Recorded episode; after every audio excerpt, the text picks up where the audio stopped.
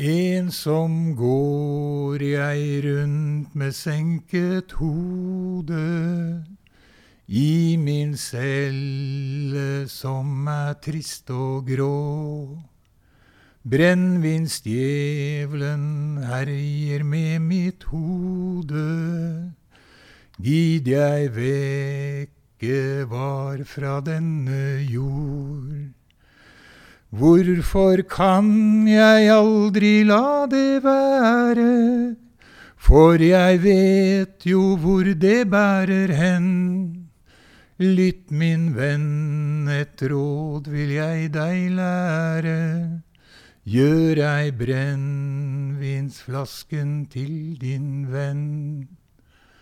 Derfor sier jeg til alle dere som er unge og har far og mor.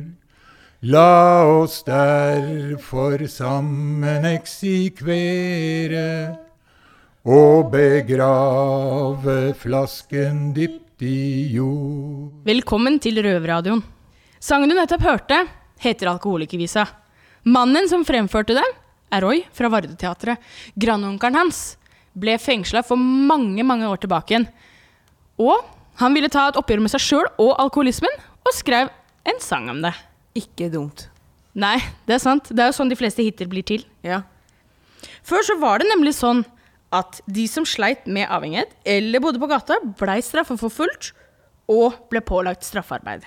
Enn det, da. Men heldigvis så er det en god del da, fra den tida som har blitt forandra seg, men det er jo alltid noe som aldri blir forandra, dessverre. Som blant annet at jeg, Guinea Pig, står her i Røverradioen sammen med Sandy og Helga. Hei, og i dag skal vi snakke om nettopp gatefolket. Ja, det skal vi. Jeg vet at det er veldig tøft å bo på gata. Uh, ikke tøft, tøft, men tøft, uh, tøffe kår. Psykisk og fysisk, liksom. Ja. Ja. Og um, veien som leder dit, er ofte eh, ti ganger verre, for å si det sånn. ja, for du har jo litt erfaring om akkurat dette her, Sandy. Det har jeg, vet du, og det kan jeg fortelle litt om senere i senga. Yes. Ja. To år på gata, det er nok ganske mye å fortelle. Derfor, derfor Ja. vil jeg tro. Jeg tror kanskje det er mer også, men det er det sånn i det lengste. Vi skal få høre uh, hvordan hjemløse uh, ble behandlet uh, før. Og så får vi en kjendis, uteligger, i studio, uh. som kommer på besøk til eh, Oslo fengsel. Det er helt riktig, det, Helga. Petter Uteligger. Yeah. Han er på Røverradioen i dag. Jeg syns han er så stilig, jeg.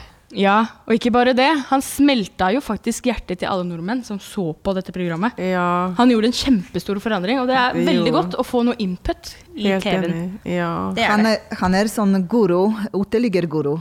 Gud, Gud, uteligger Gud, Guriguden. Herregud, da! med, med uante krefter. Men det skal ikke bare handle om livet på gata. For inne på Stortinget er politikerne i full sving med å få på plass statsbudsjettet.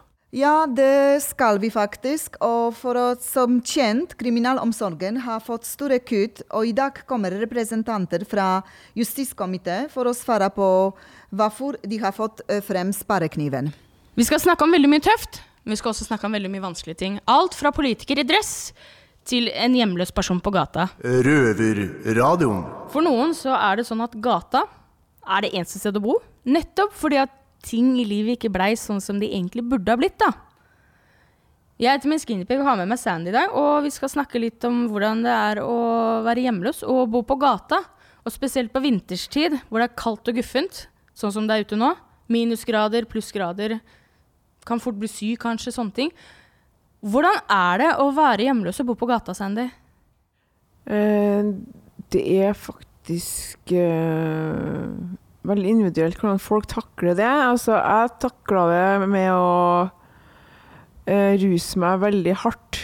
Sånn at jeg enten var så jeg, og da gjerne hang jeg sammen med folk som var på det nivået også. Eller så kunne jeg gå speeda da på amfetamin, våken gjerne i tre-fire uker i et strekk, og så må man finne en plass for å sove i noen timer. Og det, det er ganske vanskelig å få det til å gå. Og så må man jo ha litt penger, man må få ting til å gå rundt, og så må man må være litt smart, og så kanskje må man pushe litt, og så Kjøpe litt og så få ting til å gå rundt, da.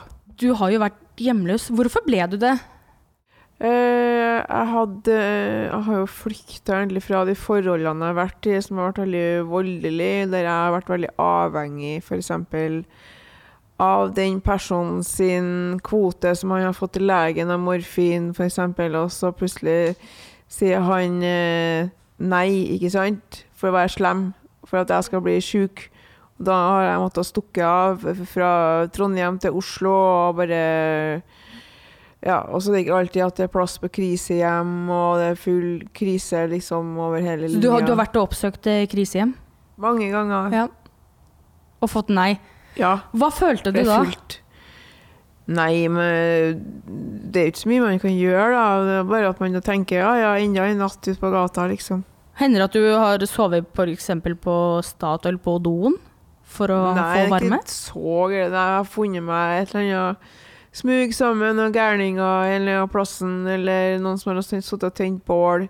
Noen heroinister, kanskje bak et kjøpesenter, eller ja. Bakom en sånn der vift der det er litt varme, kanskje. Jeg vet ikke. Hvis du skulle fatta deg i korthet, hvordan er det å bo på gata? Du blir jo kjent med veldig mye fine folk, da. Det må jeg først og fremst si.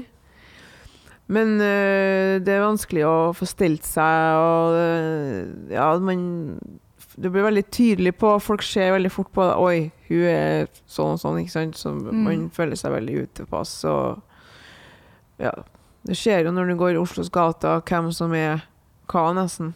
Noen er veldig tydelige på, og noen er ikke så tydelige. Ja, sånn skitten i klærne og Ja. henge litt med hodet og sånn. Ja Mm. Altså, jeg prøvde så godt jeg kunne da, å se ordentlig ut, og hadde alltid med meg svær veske med masse stellegreier og Våtservietter og Ja, for Ja. å se litt, litt ordentlig ut av, da. Ja. Følte du veldig mye skam? Selvfølgelig kjente jeg på skam, men det var jo ikke noe annet. Det var bare, bare skam hele veien. Det jeg merka, er at eh, man følte seg veldig uvelkommen, eh, for alle så veldig tydelig på deg at du var Ja. Prega. Ja. Mm. Ble du kasta ut av butikker og sånn? Sånn 'her er ikke du velkommen'? Hvis man var så dum og skulle finne på å gjøre noe dumt på den plassen, og hvis man stjeler, og så blir man selvfølgelig kasta ut og mer til.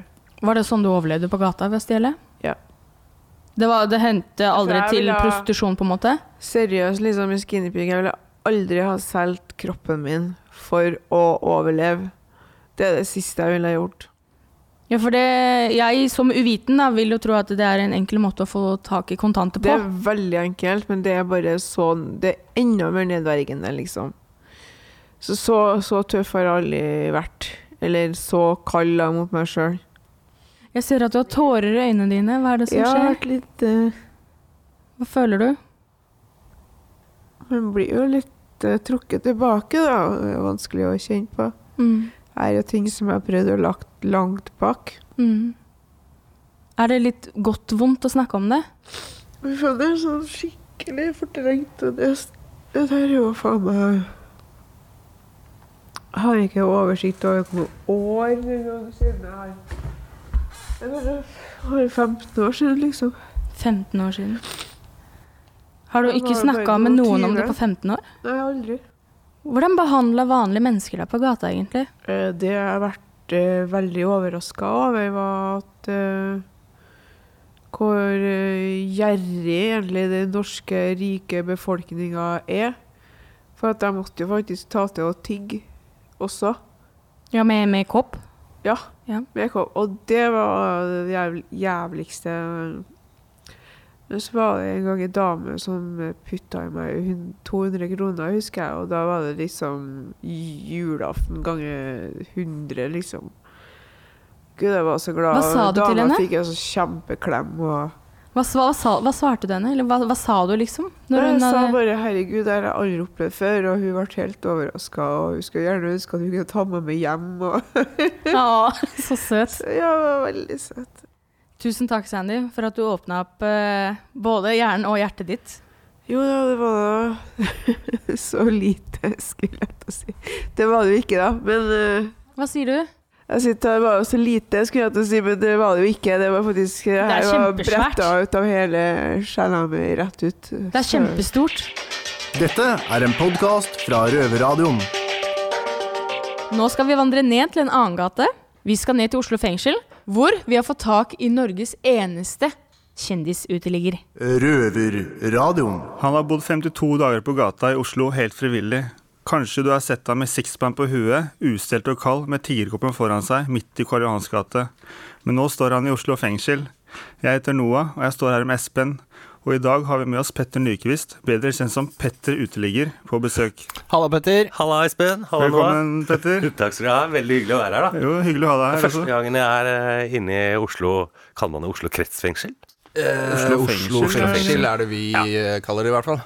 Og det, det er jo faktisk akkurat det, det jeg skulle spørre deg om nå. Ja. Om det var ditt første møte med fengsel. Ja, det var det. det var, jeg måtte jo inn her, jeg måtte legge igjen mobilen og ta av meg beltet, og det var ikke måte på å ta av vekk klærne. Jeg fikk lov til å beholde skoa. da. Hvordan, hvordan føltes det? Eh, For meg var det akkurat nå var det mer uvant, for jeg sto der og ingen fortalte egentlig så mye. Jeg tror de tok det for gitt. Sikkert kanskje fordi de kjente meg igjen, at her har jeg vært mange ganger. Ikke sant?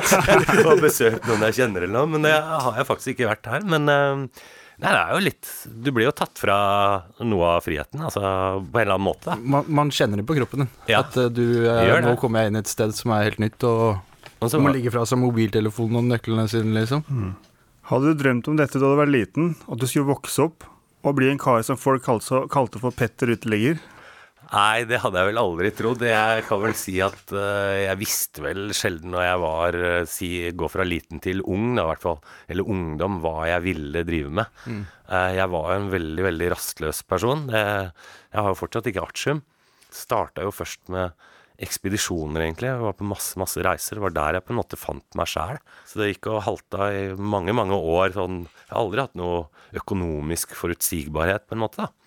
Så det har vært, eh, det har vært en veldig interessant reise. Så jeg hadde, nei, jeg hadde aldri trodd jeg skulle ende opp her, og det er bare tilfeldigheter, egentlig. Du har på en måte følt litt hjerte også.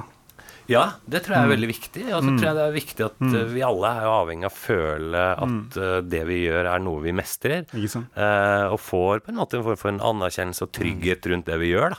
Eh, det tenker jeg også på skolen. Da. Eh, Det var jo noen som liksom havna ut på kall det sånn spesialskole eller spesialklasse. ikke sant? Har vært der sjøl. Ja, du har det? Ja, absolutt. Og det, eh, og det ene som noen omtaler, eller noen omtaler det som i dag, er problembarn. Og det syns jeg er så stygt ord. Ja. Eh, det er ikke det der. Da tenker jeg at heller ta tak i det. og Hva er det de er flinke til? Hva er det de kan? Og det bygger vi videre på. Kanskje får vi ut i arbeid noe eh, som er eh, prak praktisk, da. Ja, det er i hvert fall ikke noe kult å få det problembarnstempelet i tidlig alder. Da blir man jo litt usikker, i hvert fall i den, eh, hva skal man si, pubertetsalderen, da. Mm.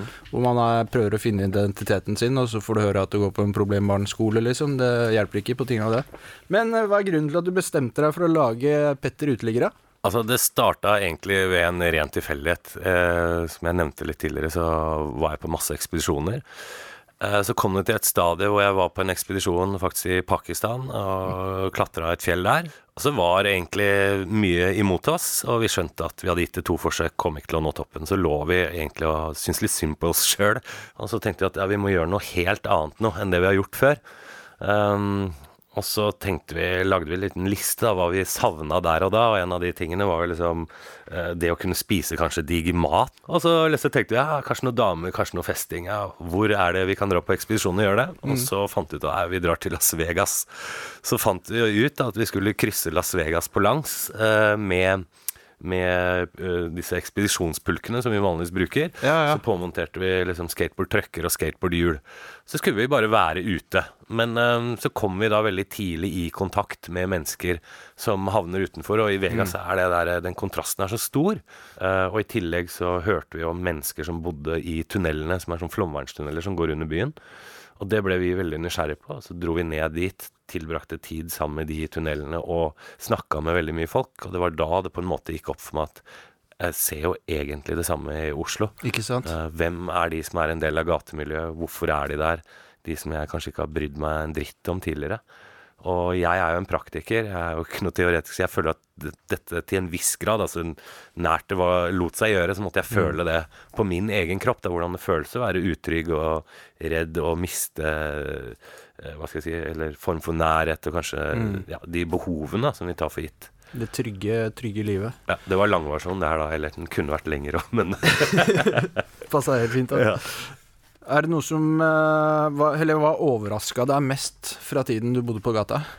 Jeg vil si det er menneskene jeg traff. Altså, jeg hadde jo mine forestillinger om hvem er de menneskene på forhånd, ikke sant. Bare folk som vil meg vondt, og man baserer jo ofte ting øh, på Når man ikke kan og har nok innsikt om ting, så danner man seg ofte et bilde i huet, ikke sant. Man får de fordommene, Ja, ja, da liksom. kommer Ja. fordommene. Og så Ja. er det jo roten til alt vondt. Det er jo usikkerhet. Ikke, Ikke sant? Da, da plukker man opp ting man har hørt eller sett, ikke sant. Og så Ja, og så danner man seg et bilde, og så tror man at ting er Ja, som sånn. man vil. Holdt jeg på. Ja.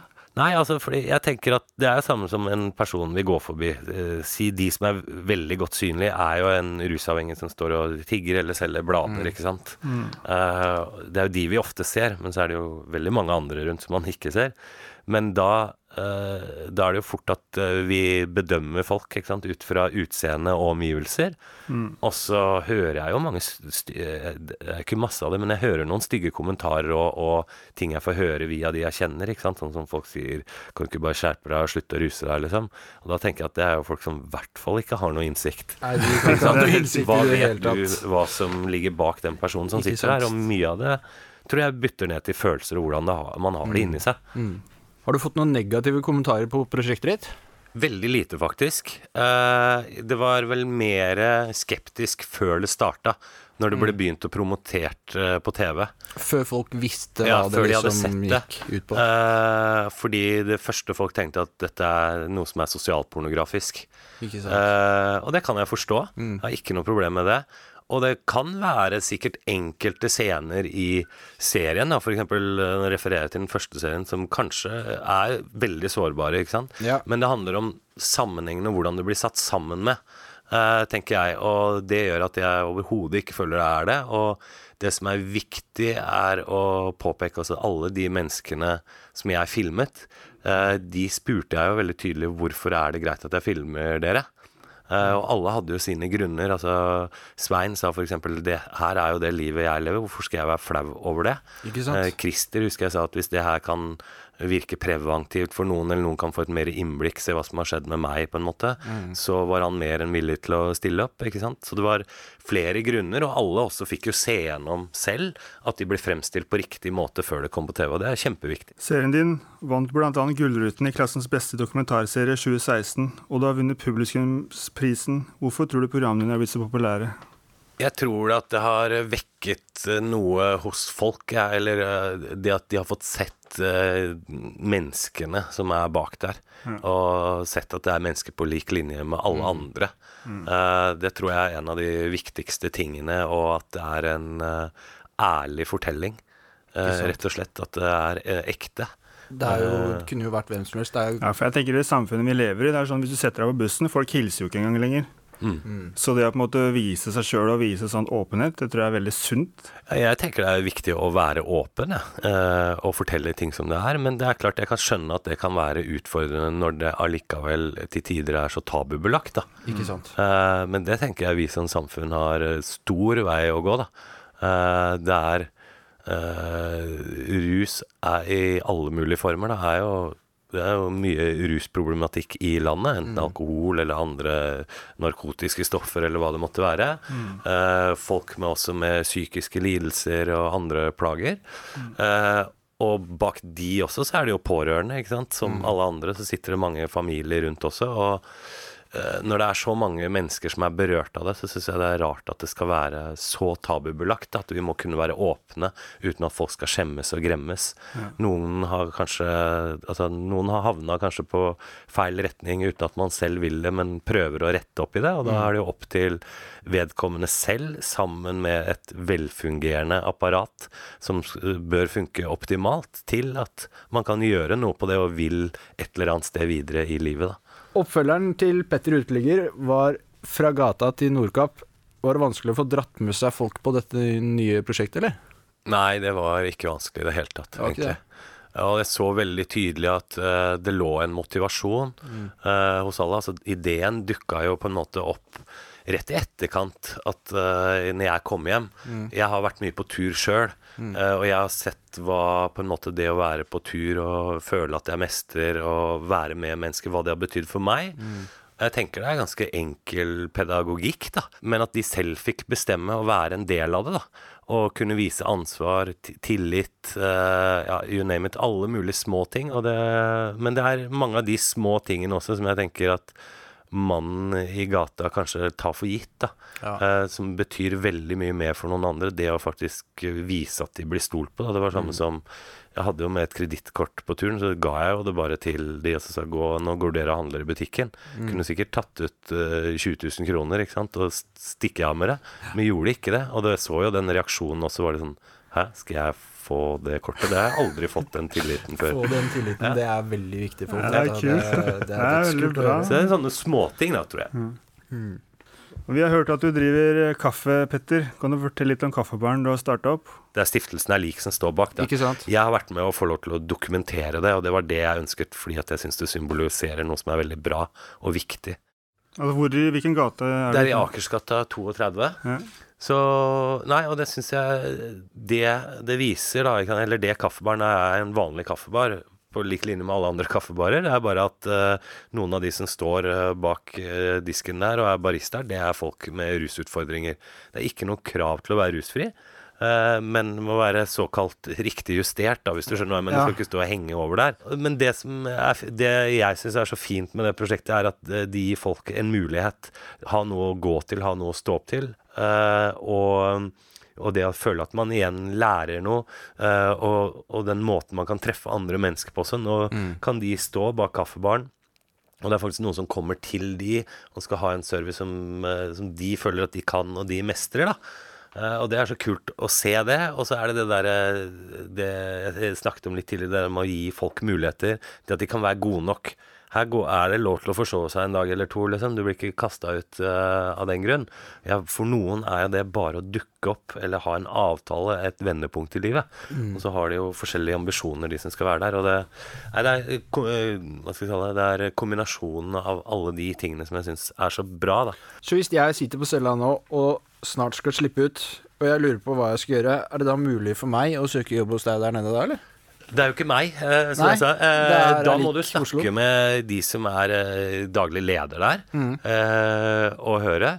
Så kommer det jo an på kapasiteten deres. Jeg tror de har holdt på mye nå ekstra for å få det i gang. Det Ikke er jo en veldig startgropa. Ja. Og på sikt så er jo planen da å kunne få inn flere også som kan jobbe der, og Kanskje lære de opp. Og det kule er jo det at nå sitter det jo noen der som ikke hadde den kompetansen for et halvt år sia, som nå kan f.eks. lære deg. Ikke så får de en læring både av å kunne lære Jeg deg ha, og har baristakurs fra før. Ja, du har det, Ja. Jo, men ikke sant, det er mange muligheter.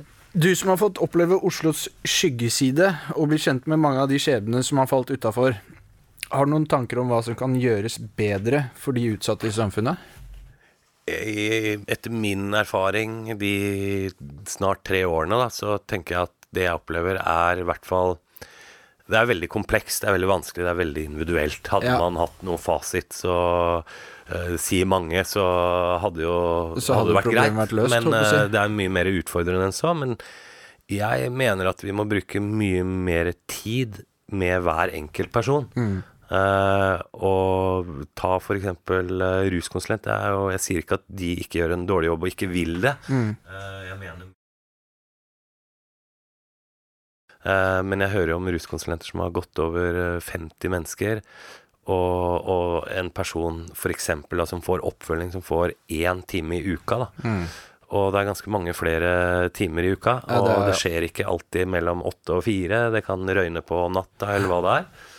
Eh, Så jeg tror at vi må bruke mer tid, bygge, finne det den enkelte personen er eh, Hvis man skal snakke om å komme ut av det, da. Ja. Hvis det Si at det handler om det, det vi snakker om nå. Mm. Eh, Så så eh, handler det om å finne den eh, den kunnskapen og evnen som det hver enkelt sitter med, å bygge det videre for alt det det er verdt. Da, sånn at du får den mestringsfølelsen og føler at uh, du lykkes og får til noe og blir verdsatt. Og så mener jeg også at samfunnet bør eh, Bedrifter eller andre firmaer bør også være lettere for folk å kunne få jobb.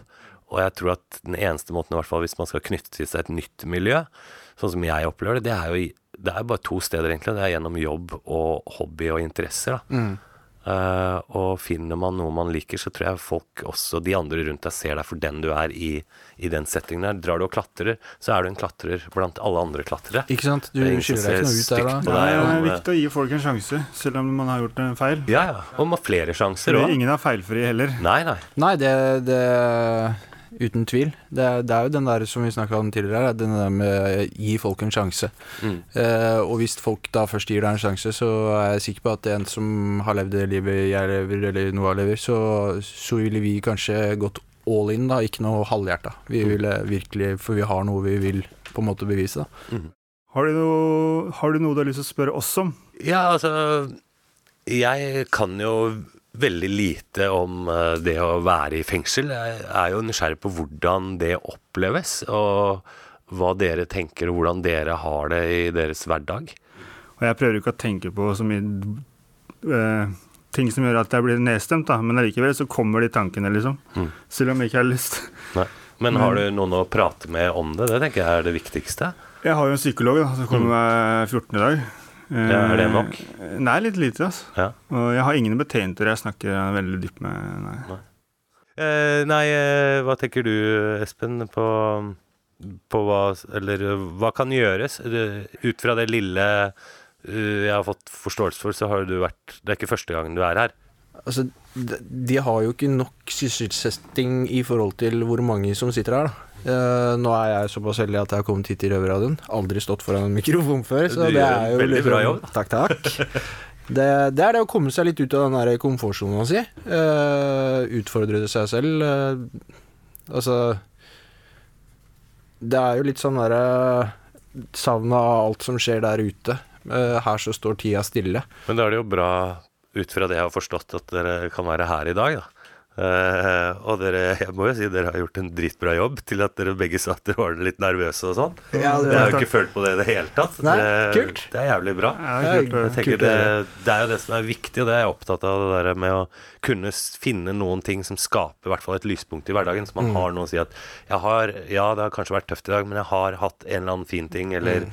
tre ting, eller hva det måtte være, som har vært med på i hvert fall gjør at det var en for så vidt bra dag, selv om kanskje man optimalt sett ikke ville være her. Ikke sant. Eller i på cella si. Og det er veldig viktig. Mm.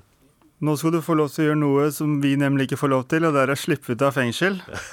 Takk skal du ha. Takk for at du kom på besøk. besøk. vet du, det her var jævlig kult, rett og slett. Jeg takk synes for det var kjempebra. Kult å møte dere. Hyggelig. I like måte. Jeg hører på Røverradioen. Det bør du også gjøre.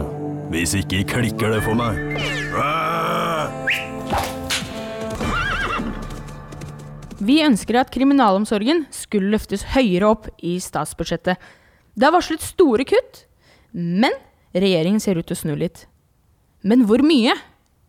Det er duket for debatt i Oslo fengsel. Kriminalomsorgen og frivilligheten har fått kjent på sparekniven under årets statsbudsjett. Regjeringa har prioritert pengene til å leie fengselsplasser i Nederland og bygge nytt fengsel på Sørlandet. Jeg heter Espen, og i studio har vi fått besøk fra justiskomiteen på Stortinget. Vi skulle egentlig ha hatt Frp med oss i studio, men vi er vel ikke folk flest, så de meldte avbud i siste liten. Men de vi har fått med, er deg, Petter Frølich fra Høyre, og Maria Aasen Svensrud fra Arbeiderpartiet. Velkommen. Takk. Vi begynner med deg, Petter. Dere har i regjeringen valgt å kutte i budsjettene til kriminalomsorgen. Kuttene har fått kritikk fra flere hold, og det fører til mindre betjente på jobb og mer selvtid på de innsatte. Hvorfor kutter dere? Jeg er ikke enig i at det er et kutt, men eh, vi bruker pengene på litt andre ting. F.eks. å sende fanger til Nederland.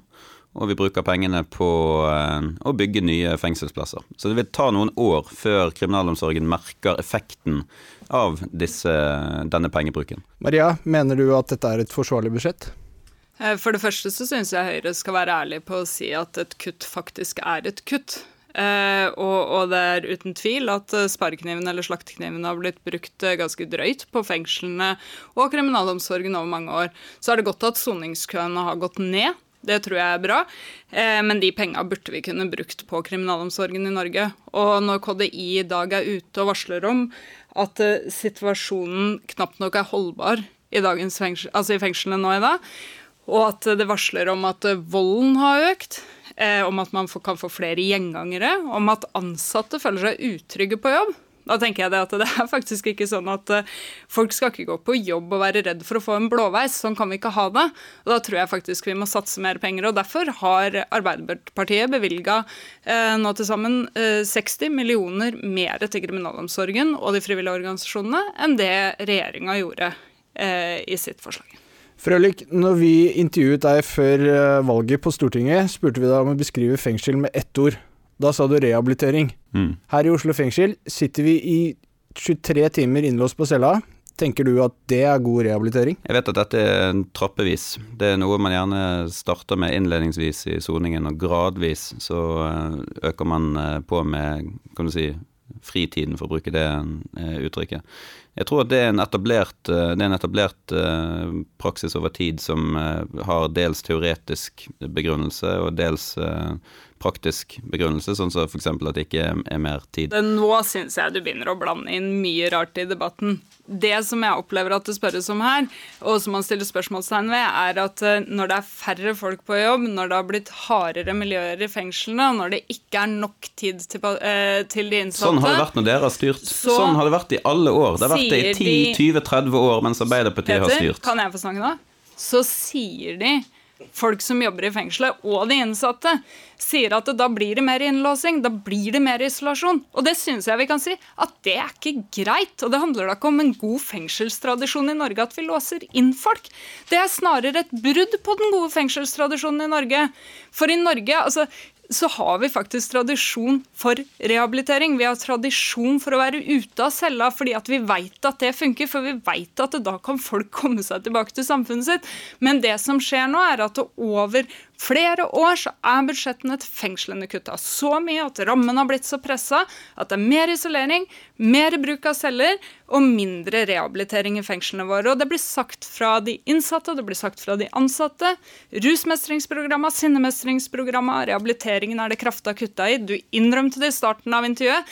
Dette har ikke med norsk soningstradisjon å gjøre, og det har ikke noe med dommene å gjøre. Jo, Nå det, snakker du deg helt vekk. Nei, dere prøver å lage en Dere prøver å lage et bilde nå over at alt har vært fryd og gammen i norske fengsler i mange år, helt til vi begynte å styre, og så har ting gått Men det høres ut som Høyre og, og Frølich prøver å se at det er Arbeiderpartiet som liksom lager et problem. Men det er ikke vi som sier det her.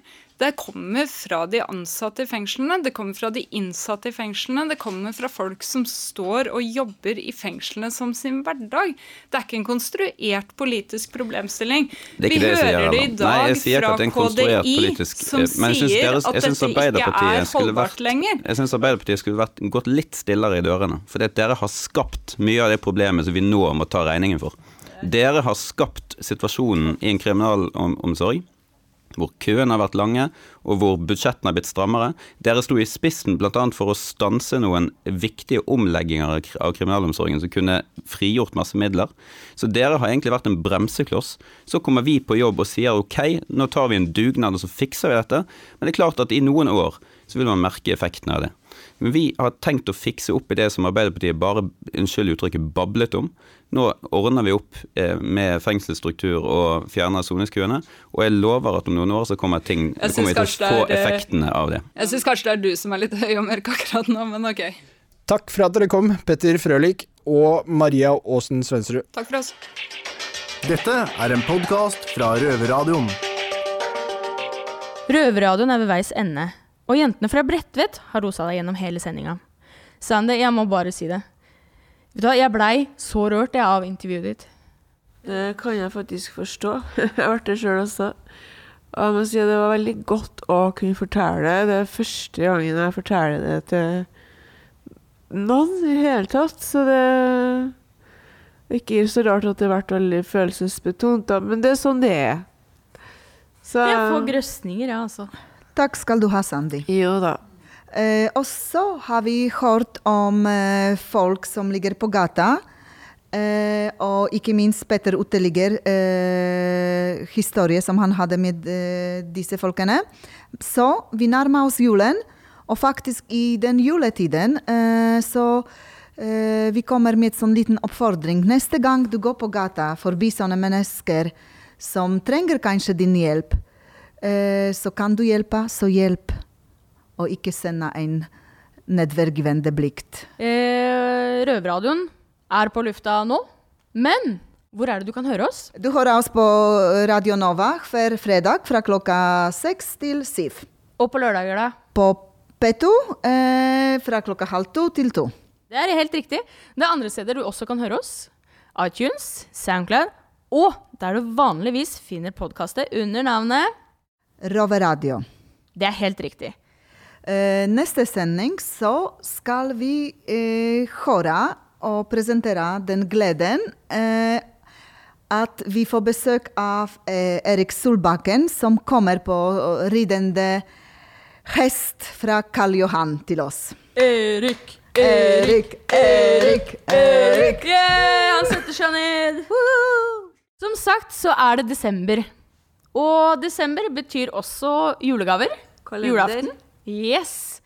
Så neste gang du tar deg tur rundt Bredtvet kvinnefengsel, så er det ikke umulig at du ser noen pakker i vinduet med gitter og litt julestemning på utsida. Gitter og glitter. Gitter og glitter.